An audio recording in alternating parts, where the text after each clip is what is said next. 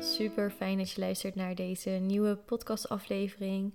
Ik ben heel erg blij dat je er bent. Mijn naam is Romane en je luistert naar Your Inner Glow, de podcast waarin ik je meeneem naar het leven vanuit je innerlijke glow.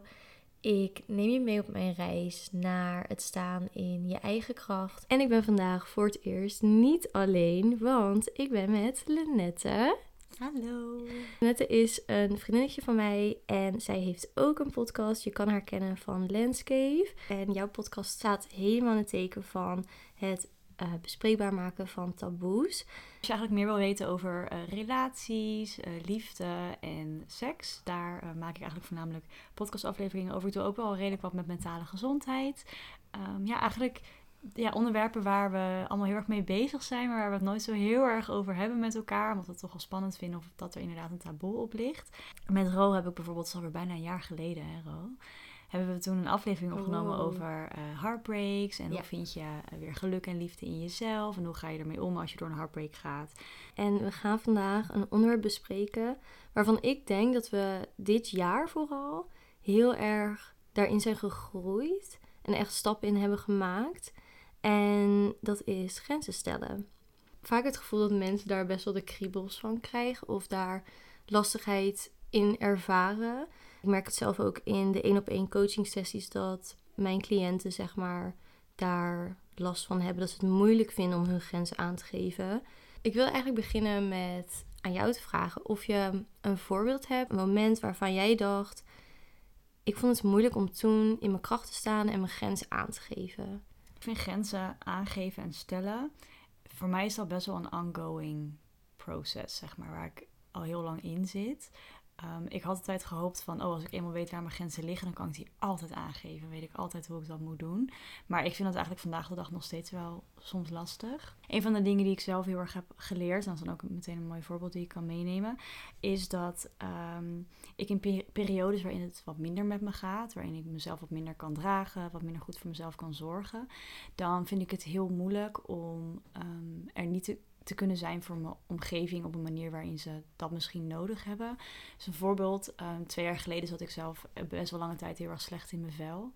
En toen had ik alsnog natuurlijk vriendinnen en, en familie en mensen om je heen die uh, ja, advies van je willen, die je nodig hebben, die dingen van je vragen. En ik vond het toen eigenlijk heel erg moeilijk om aan te geven van hé, hey, ik kan het nu oprecht niet opbrengen om er voor je te zijn of dit voor je te doen of mijn advies te geven, want ik kan het zelf op dit moment niet eens voor mezelf. En dat is iets wat ik heel moeilijk vond om toe te geven, omdat ik daarbij het gevoel had van, oh, ben ik een slechte vriendin? Uh, ben ik er dan wel genoeg voor mensen? Ben ik nu niet te egoïstisch, dat ik er niet voor anderen kan zijn? Um, en daarin ben ik ook wel heel vaak over mijn eigen grens heen gegaan. Dat ik toch, weet je wel, hulp gaf of, of, of deed waar mensen naar vroegen. Um, en dat ik achteraf dacht, oh, dat had ik echt niet moeten doen. Want ik heb, het, ik heb de kracht gewoon nu niet. En dat is wel iets wat ik heel erg heb geleerd de afgelopen twee jaar vooral. Um, dat je echt altijd aan je omgeving kan aangeven van... hé, hey, het gaat nu even niet. Ik kan er gewoon nu even niet zijn. En wat ik het mooie daaraan vind... en daar gaan we het denk ik vandaag wel meer over hebben... is natuurlijk als je grenzen aangeeft, ben je vaak heel erg natuurlijk bang voor reacties van mensen of dat ze daar een mening over hebben.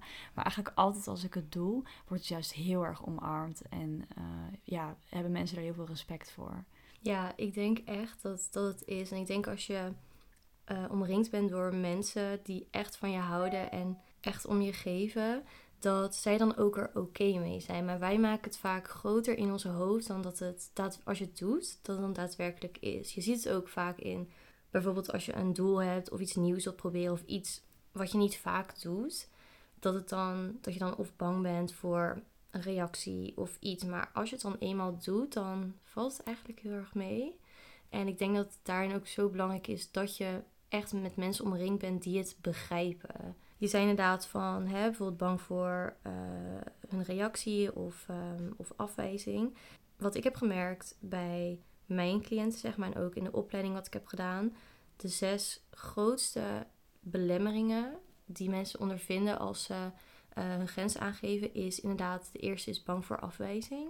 Uh, ze zijn bang voor confrontatie.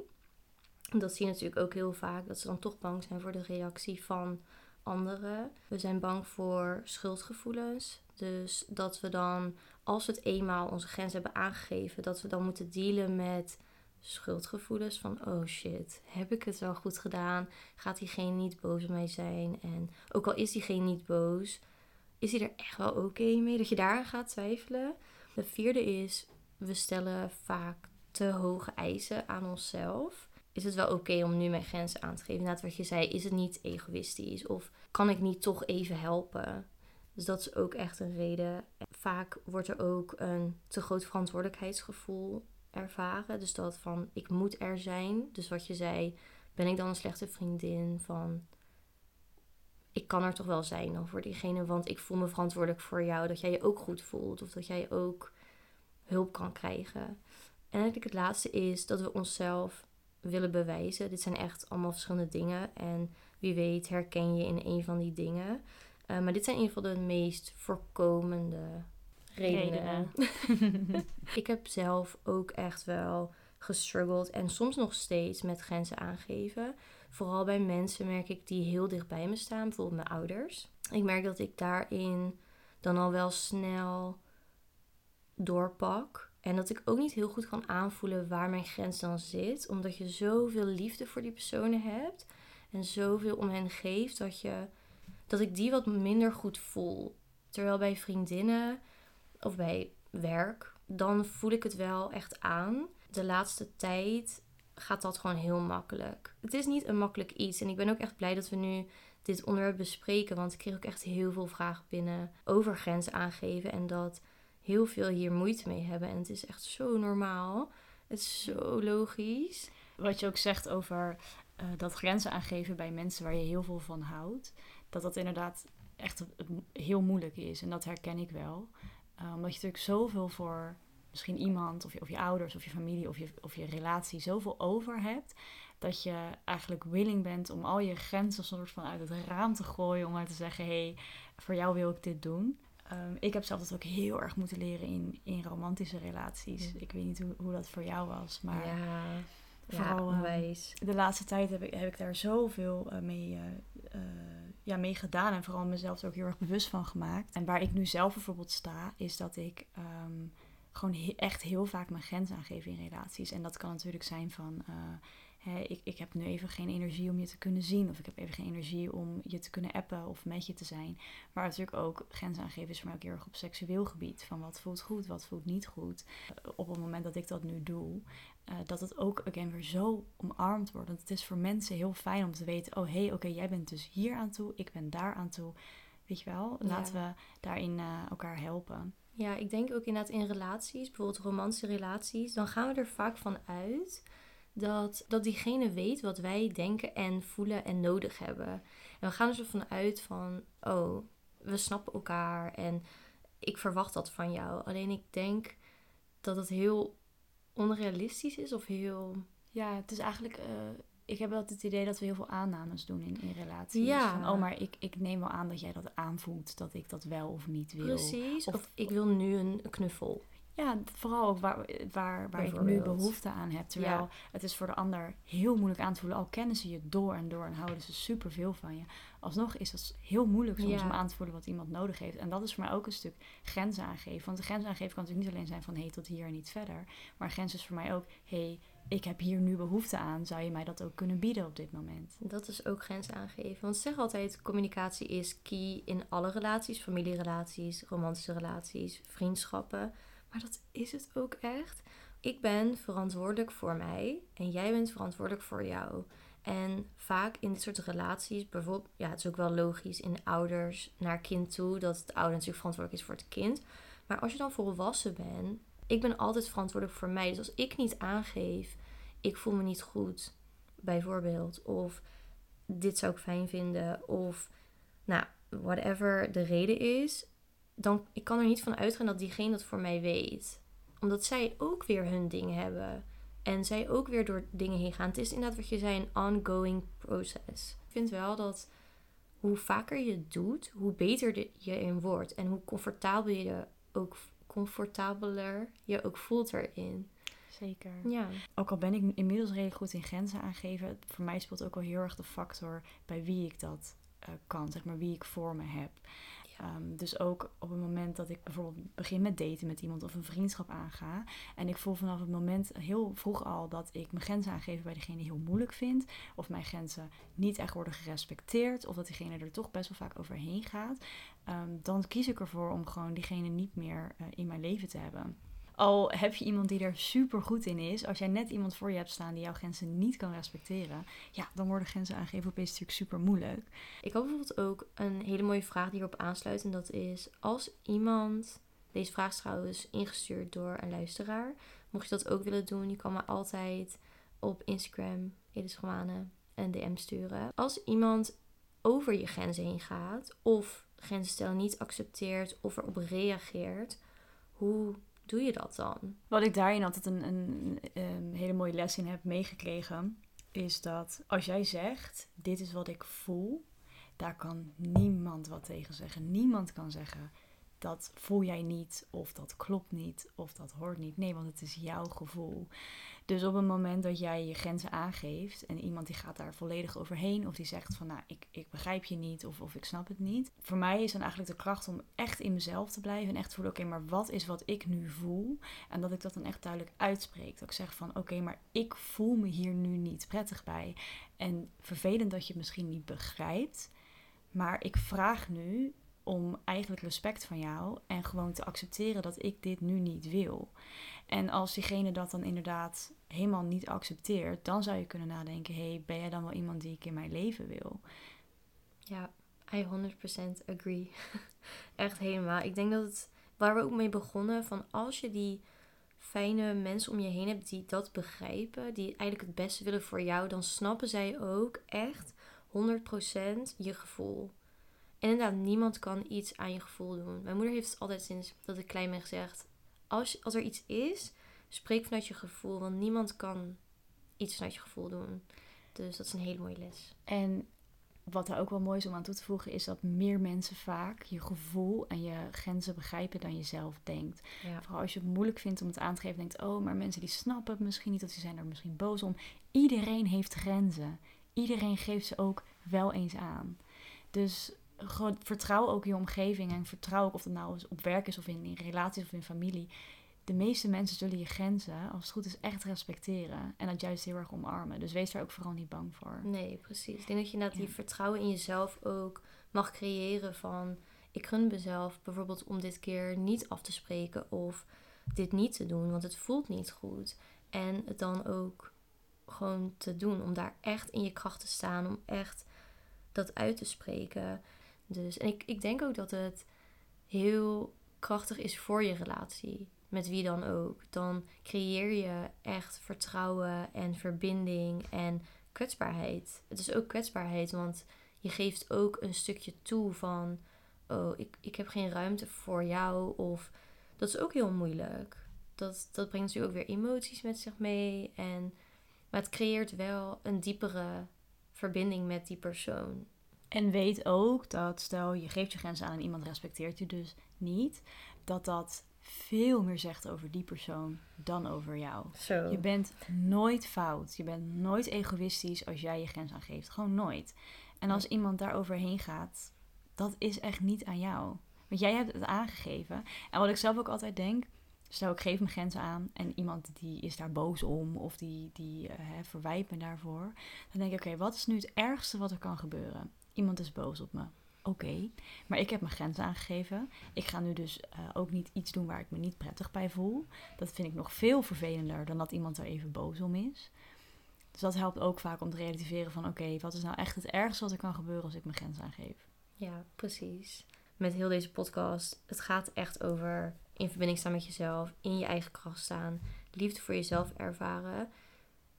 Want als je liefde zeg maar voor jezelf hebt en dus inderdaad je grenzen aangeeft, reflecteert dat ook naar anderen. En dan, dan gaan zij dat ook doen. En dan gaan zij je ook meer respecteren. En zo krijg je echt gezonde relaties. Dat is gewoon zo. Absoluut. Als jij je grenzen durft aan te geven, dan zal degene met wie jij in een relatie bent, op welke manier dan ook, dat ook meer doen. En wat ook wel een mooie herinnering daarin is, of een mooie les. Als jij niet je grenzen aangeeft, weet de persoon ook, of meer de mensen waarmee jij omgaat, niet waar jouw grens ligt.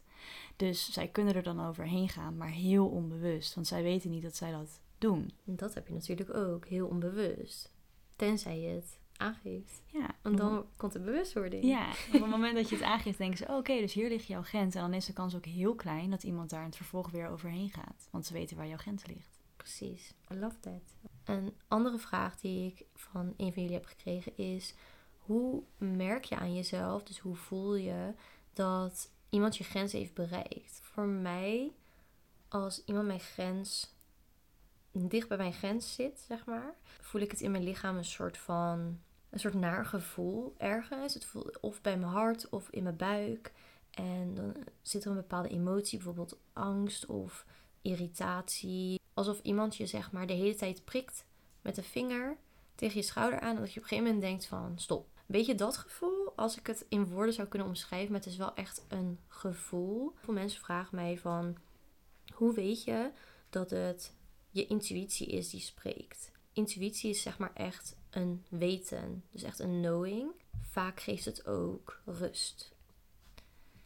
En ik merk zeg maar als ik dan onrust voel, dat ik dan niet in lijn ben met mezelf. Zodra ik een soort van onrust voel in mijn lichaam, dan weet ik van ik moet heel even reflecteren van wil ik dit wel? Wat gebeurt als ik het wel doe? Wat gebeurt als ik het niet doe? Ja, wel mooi omschreven. Dat is eigenlijk ook wel hoe ik het ervaar. Ik voel me ook vaak best wel, uh, ja, vooral heel erg onrustig, ook een beetje verstikt. En wat voor mij altijd een mantra is in, in mijn hoofd, uh, waarmee ik ook heel goed kan relativeren waar mijn grens ligt, is voel ik nu 100% aan dat ik dit wil. Zeg mijn lichaam in alle vormen en maten ja. ja.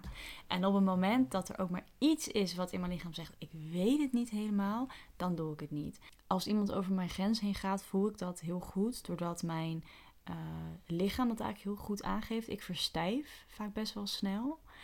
Um, of ik schiet heel erg in mijn hoofd. Een goed voorbeeld hiervoor is dat uh, ik het altijd heel moeilijk heb gevonden om mijn grenzen aan te geven, bijvoorbeeld op seksueel gebied. Dan heb ik ook altijd een mantra: als ik iets niet 100% wil, ga ik het niet doen. En op het moment dat ik het dan toch wel doe, of dat iemand me daar toch in overhaalt, dan voel ik gewoon dat ik wat meer verstijf. Ik voel me wat minder veilig ook. Ik voel me wat minder prettig. En wat je ook zegt, het is vaak ook wel mijn intuïtie die dan spreekt. En die dan eigenlijk alles in mij zegt: Len, je moet nu stoppen. Ja, en ik denk ook dat je, wat je zei, van als je een twijfel hebt, dat is van ik weet het niet. Dat is ook wel echt een teken. Want ik weet het niet, is twijfel, is toch niet die 100% ja. Ik ga deze vraag heel kort behandelen, maar ik vond hem wel een mooie vraag. Iemand zei: Heeft het moeilijk vinden van grenzen stellen met je opvoeding te maken? Mm. Ik denk het wel. Ja, het heeft wel echt met je opvoeding te maken. En meer mm, ja, opvoeding is dan meer hoe voeden je ouders of je verzorgers je op. Dus echt hun manier van. Maar ik denk dat het meer ligt in hoe geven je ouders hun grenzen aan. Dus niet per se hoe zij je hebben opgevoed, maar hoe ervaren zij grenzen aangeven? Hoe ervaarden hun ouders weer grenzen aangeven? Wat hebben ze daarin geleerd? En we nemen generaties op generaties onbewust of bewust nemen we dingen over.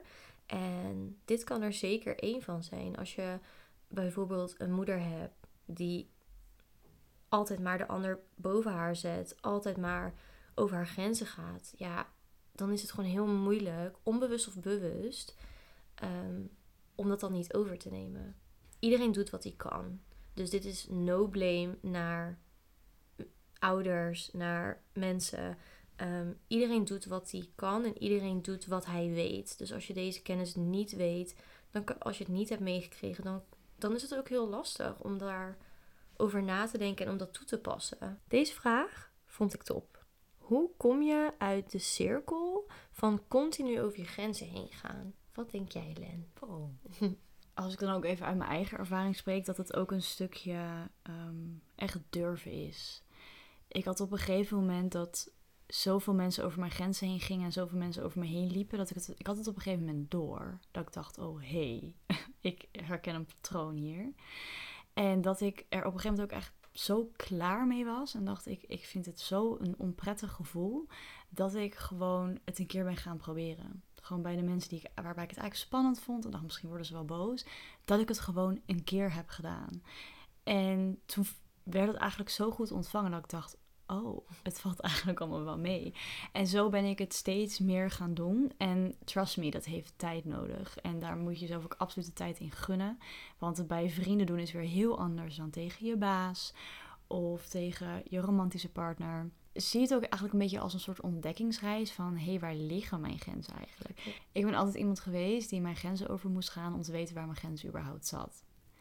Dat is ook helemaal oké that's fine. Ik vond dat vroeger altijd best wel moeilijk. Een voorbeeld is bijvoorbeeld met alcohol. Ik moest uh, eigenlijk, nou ja, boven de pot eindigen om te beseffen... oh hey, volgens mij ben ik nu mijn grens overgegaan. Maar vervolgens wist ik wel waar die grens zat. Ik wil natuurlijk niet zeggen dat dat, dat de way to go is. Maar ja, sommige mensen die weten gewoon beter van zichzelf... waar hun grenzen liggen dan de ander. Op het moment dat iemand jouw grens overgaat...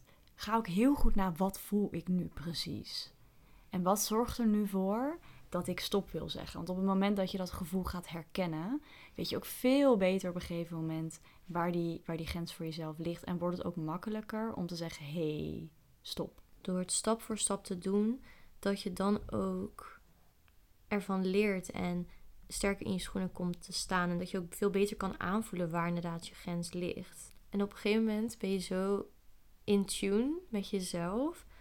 Dat het eigenlijk best wel automatisch gaat. Dat je echt voelt van nee, ik wil eigenlijk niet mee naar dat feestje, bijvoorbeeld. Ik wil liever in mijn bed Netflix kijken. En soms voelt dat raar, want iedereen gaat. Om dan toch bij jezelf te blijven en denken: nee, ik ben eigenlijk best wel moe. En dat je niet moe op dat feestje gaat zitten en dat je dan nog meer uh, vermoeid raakt de volgende dag. Want ik had dan wel vaak dat ik.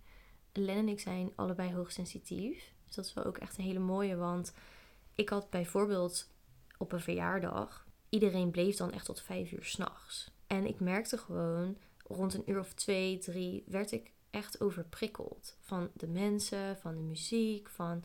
Maar ik voelde me verplicht om dan, omdat iedereen tot vijf bleef of tot, daar bleef slapen, dan voelde ik me verplicht om dat ook te doen. Wat ten koste eigenlijk ging van mezelf. Want de volgende dag was ik echt niks waard. dus uiteindelijk gaat het als je niet je grens aangeeft, gaat het altijd ten koste van jezelf. Ik denk daarin, wat je ook zegt, het is echt een proces. Het is aanvoelen, het is proberen. Het is de woorden vinden om waar jij je ook fijn bij voelt. Om dat naar de ander uit te spreken. Over feestjes gesproken en sociale activiteiten. Ik heb hier ook nog een mooie vraag die is gesteld. Ik heb het gevoel dat ik mezelf moet verantwoorden wanneer ik een sociale activiteit skip. Moet ik mij altijd verantwoorden? First of all, je hoeft je in principe nooit te verantwoorden. Nee. Ik skip heel vaak sociale activiteiten. Ik ben een ehm, behoorlijke introvert. Um, alhoewel, je kan ook hartstikke extravert zijn en ook soms denken: my god, ik heb echt geen zin in mensen vandaag. Nee, je hoeft je absoluut niet te verantwoorden daarvoor. Soms ben je gewoon moe, soms heb je gewoon geen zin. En dan moet je echt 100% naar luisteren, wat uh, jij ook net zei, Ro.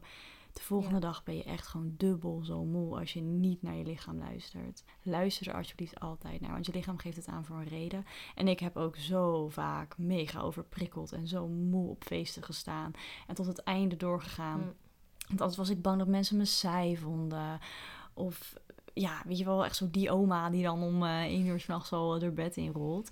Nou, nu doe ik het echt met liefde. Ik zeg, jongens, girl, de groeten.